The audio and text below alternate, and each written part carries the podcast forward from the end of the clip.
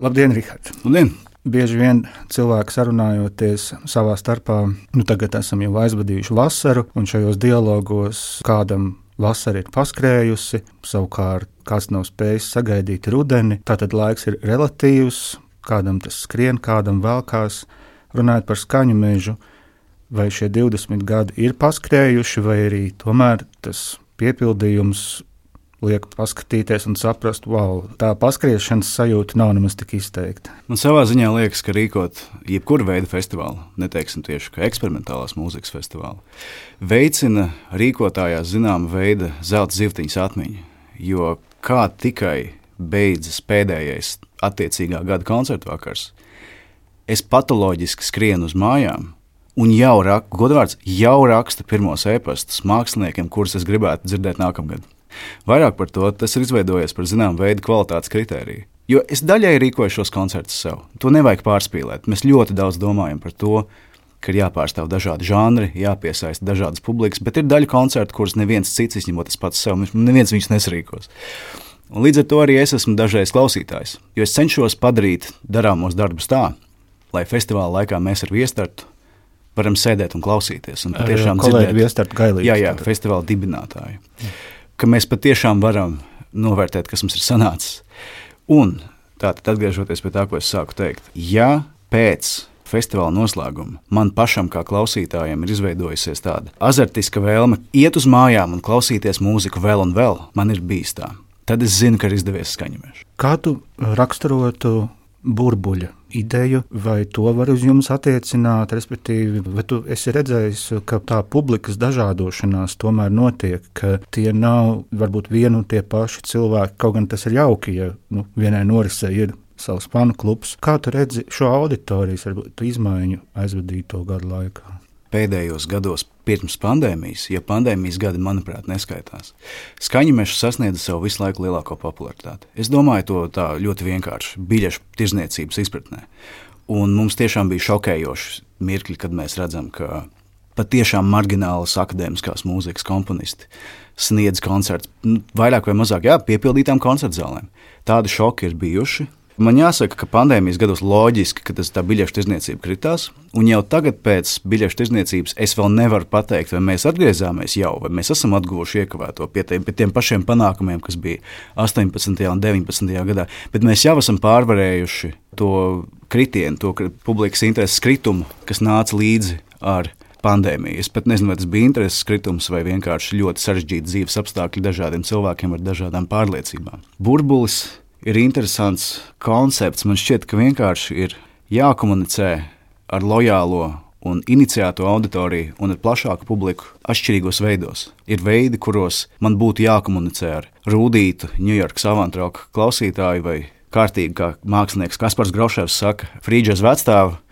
Citādāk nekā man tas būtu jādara ar, ar, ar teiksim, iespējams dažiem šī raidījuma klausītājiem. Un tas jau ir tas lielākais izaicinājums. Dažkārt tai izglītotākajai publikai ir ļoti grūti izpatikt, un es to uztveru par komplimentu. Bet tas burtiski var nozīmēt, ka cilvēks ir tik informēts par zināma veida marginālu vai kā jūs sakat, burbulī dzīvojošu mūzikas formu, ka viņa prasības ir stipri subjektīvas, bet ļoti pamatotas ar faktiem.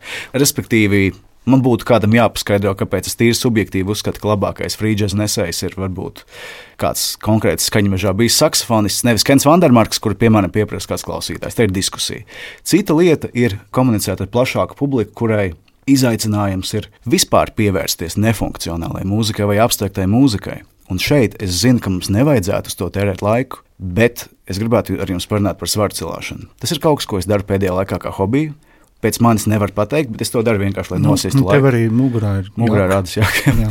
bet ja katrā ziņā tas ir kaut kas, ko es mēģinu darīt. Un kādā brīdī es sastapos ar zināmu izaicinājumu, veicot tā saucamo overhead press, proti ceļot stieni virs galvas. Ir zināms svars, ko es nevarēju pacelt. Un sekojot tiem pašiem rīcības kursiem, kurus es pieņemu, kad es interesējos piemēram par mūziku, es sāku lasīt internetā vai attiecīgajā literatūrā, ko man tagad vajadzētu darīt, lai es varētu to sakārtot, lai es varētu pacelt par 10 kg vairāk stieni virs galvas. Un es sāku pildīt to, ko raksta internetā, dažādas papildus vingrojumus. Es sāku celt atsevišķus vingrojumus pleciem, tam, tam, tam. Beigu beigās visi mani treniņi sastāvēja no šiem papildus vingrojumiem. Un šis sarežģītais, grūtais vingrojums, ko es nespēju veikt, bija pašā treniņa beigās. Kā jau jūs, es, es jau pēc sejas redzu, ka jūs sapratāt, ko es tēmēju, ap to laiku es biju tik nogurs, ka man vēl grūtāk bija šo vingrojumu izpildīt.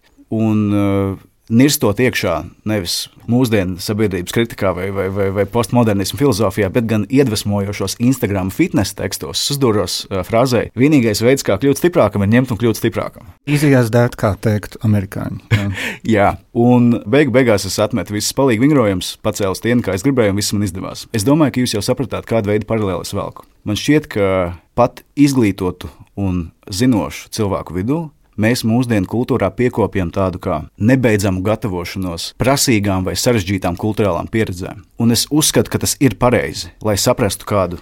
Pieņemsim mūsdienu komponistu Pēteru Ablingeru, kas šogad viesojas skaņamežā, lai saprastu viņa daļradi, iespējams ir jāpaklausās Līdži Nono.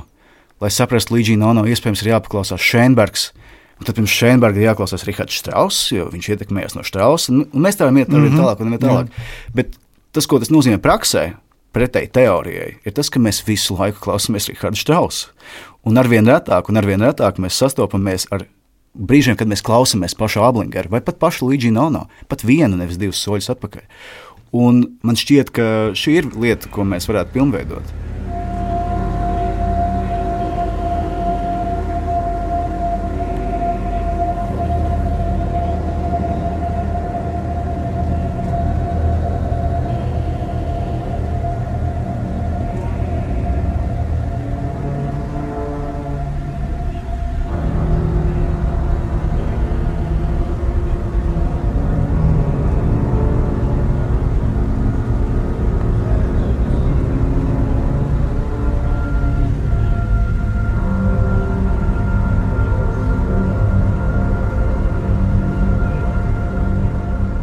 Šovakar Hanzas Peronā viena no mūziķiem būs Iveta Ženīna Džeksone, kas ir elektroakustiskās kameras mūzikas un nu, vispār orķestra mūzikas komponiste un arī pētniece. Studējusi Kolumbijas Universitātē, bijusi profesora Hārvardā. Kā šī mūziķa tavu uzmanību piesaistīja? Klāt sakot, nebūt ne tajā veidā kā liktu domāt viņas jūsu nu pat uzskaitītie, teiksim, tā raduraksti vai viņas CV. Gluži vienkārši kā visai aizraujoša mūsdienu elektroakustiskā mūzika un diezgan gluži vienkārši mūsdienīgi interesanta elektronika. Vairāk par to man es pat teiktu, ka iespējams mūsu programmā viņa aizpilda, aizpilda vietu mūzikai, kas parādītu, kā īsti mūsdienās ir vainagojusies ieklausīšanās akusmātiskās vai elektroakustiskās mūzikas mantojumā. Jā, un vēl viens teorētiķis un mūziķis, Frančiskais Bonē, pazīstams arī kā Kasels Jēgers. Mēs varam ieklausīties arī šī komponista mūzikas piemērā.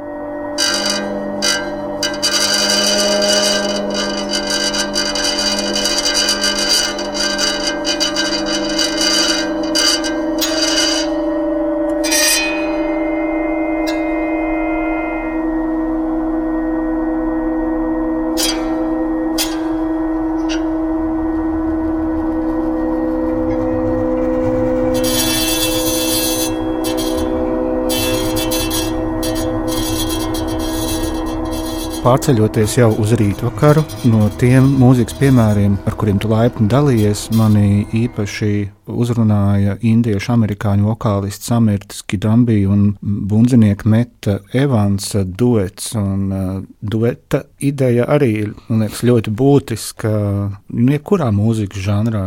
Dueta ideja, kā jūs jau viņu piesaucāt, bet nepateicāt skaļi, ir sēras. Un Nu, atkal tas ir. Es uzskatu, ka šī grupa ir uh, tāda tā kā atbalsts no pandēmijas. Tas skaļi netika pateikts, bet tika uh, dots mājiens, ka abu mūziķu tuvinieki aptuveni šajā periodā arī aizgāja no dzīves. Un šī kopējā mūzikas radīšana viņiem abiem, kā mūziķiem ar uh, interesi par avangardu mūziku, bet arī par dažādām New Age un ezotērikas filozofijām, ir uh, sava veida bijusi tāda tā kā pašpalīdzības vai sevis dziedēšanas pieredze. Amerika Kidambija ir savukārt pazīstama arī ar uh, savu grupu Elder Ones. Ko New York Times atzīmē kā vienu no iespējams šī brīža relevantākajām džēza vai avangarda džēza grupām.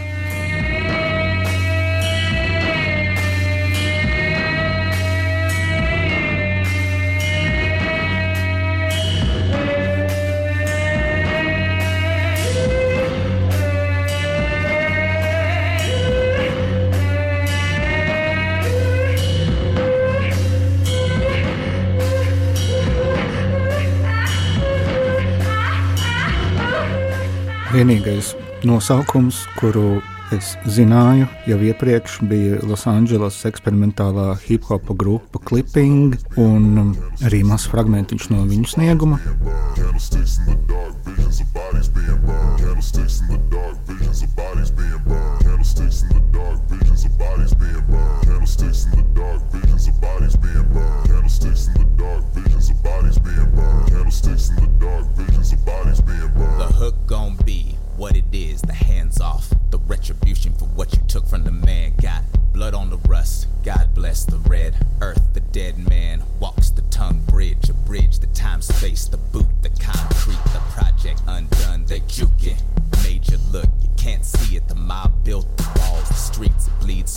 syrup, the bees love it.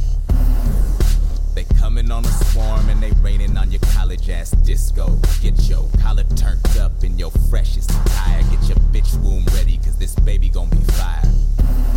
It's not a dream, it's a memory. Memory glands heavy in the sky, blacked out already. Stop screaming. The flames ain't shit to a demon. Say the name. Candlesticks in the dark, visions of bodies being burned. Mums ir interesanta ideja, ka neskatoties uz to, ka mēs strādājam lielākoties ar abstraktu mūziku, tajā pašā laikā festivālā reizēm viesojas cilvēki, kas ir ar patiesu interesi par avangarda mūziku, taču ar vienu kāju ir nepārprotami popkultūrā. Iepriekš tas ir bijis, teiksim, Tērstons Mūrs no Grammy apbalvotās roka grupas Sonic Youth, tas ir bijis Bliks Bārgelts no grupas Einstein, Neubāten un tā tālāk. Un tā tālāk.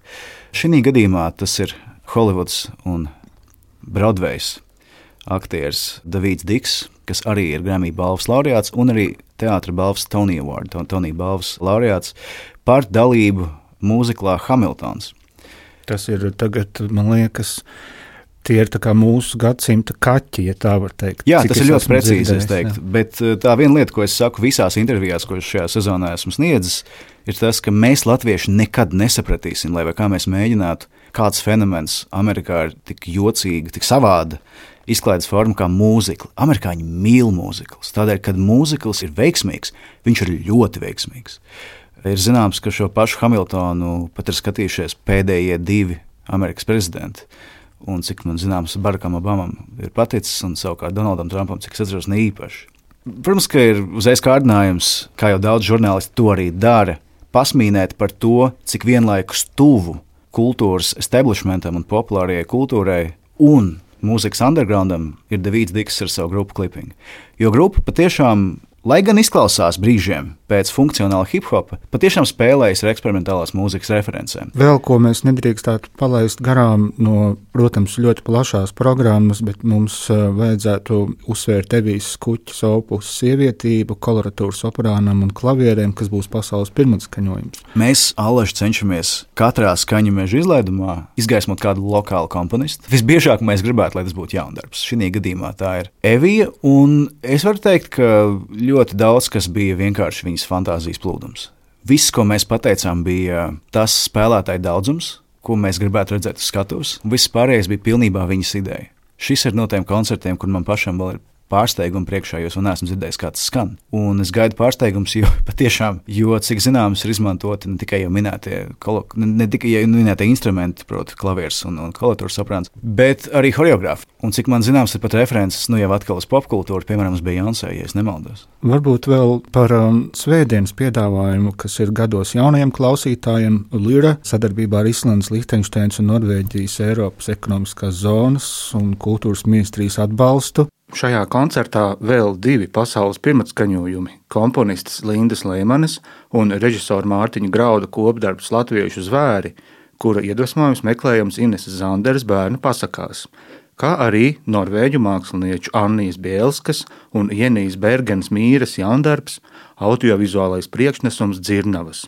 kas balstīts norvēģu pasakā par diviem bērniem ceļojumu uz Elli un atpakaļ, un brīnumainām vēlna dzirnavām, kas var dot jebko, ko sirds kāro. Abas norises apmeklējums svētdien, Hanzas peronā, un tas izdarāms bez maksas. Nu, man liekas, ka tas ir ļoti labi, ka šie gados jaunie klausītāji arī nonāk uz tām sliedēm, kas varbūt jau pēc vairākiem gadiem viņus aiznesīs tevis pieminēto žanru izpētē. Sakot no tālā gala, un jums kā literatūras cienītājiem, dalībniekam tajā iespējams tā būs interesanta references, eh, nesen lasīju stāstu grāmatu no, manuprāt, eksperimentālā amerikāņu stāstu autora Donalda Bārtelma. Man ļoti palika prātā priekšvārdā minētais, ka Donalds Bārtelms, ja es nemaldos, uzauga arhitektu ģimenē. Man šķiet, ka bija vai nu, viņa, vai nu abi vecāki bija arhitekti, vai nu viens no. Bet tā premisa bija tāda, ka Bārtelms ir audzis modernistu mājā, kurā skanēja modernistu mūzika, bija atrodams modernistu grāmatas, un principā kā priekšplānā atradās modernismu problēmas.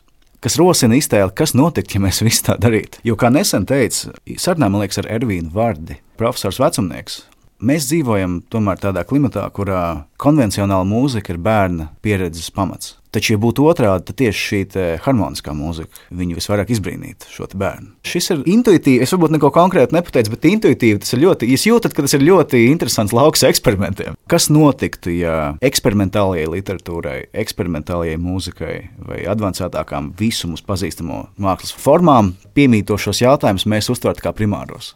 Nevis darbotos tā, it kā tie būtu tāds tik vien kā piedēklis popkultūrai. Jā, vai kaut kāds hibrīds. Ja? Vai kaut kā, jā, tieši tā. Un uh, šis koncerts gluži vienkārši ir mēģinājums cieņpilnā veidā mēģināt strādāt ar jautājumu, kā tad lai šo jauno klausītāju vispār veido. Nu, ko? Tā tad skaņu mežs, vienīgais mežs, kurā patiešām vajadzētu apmaldīties. Sarunājāmies ar programmas kuratoru un vispār festivāla organizatoru Rihardu Endriksonu. Paldies! Paldies.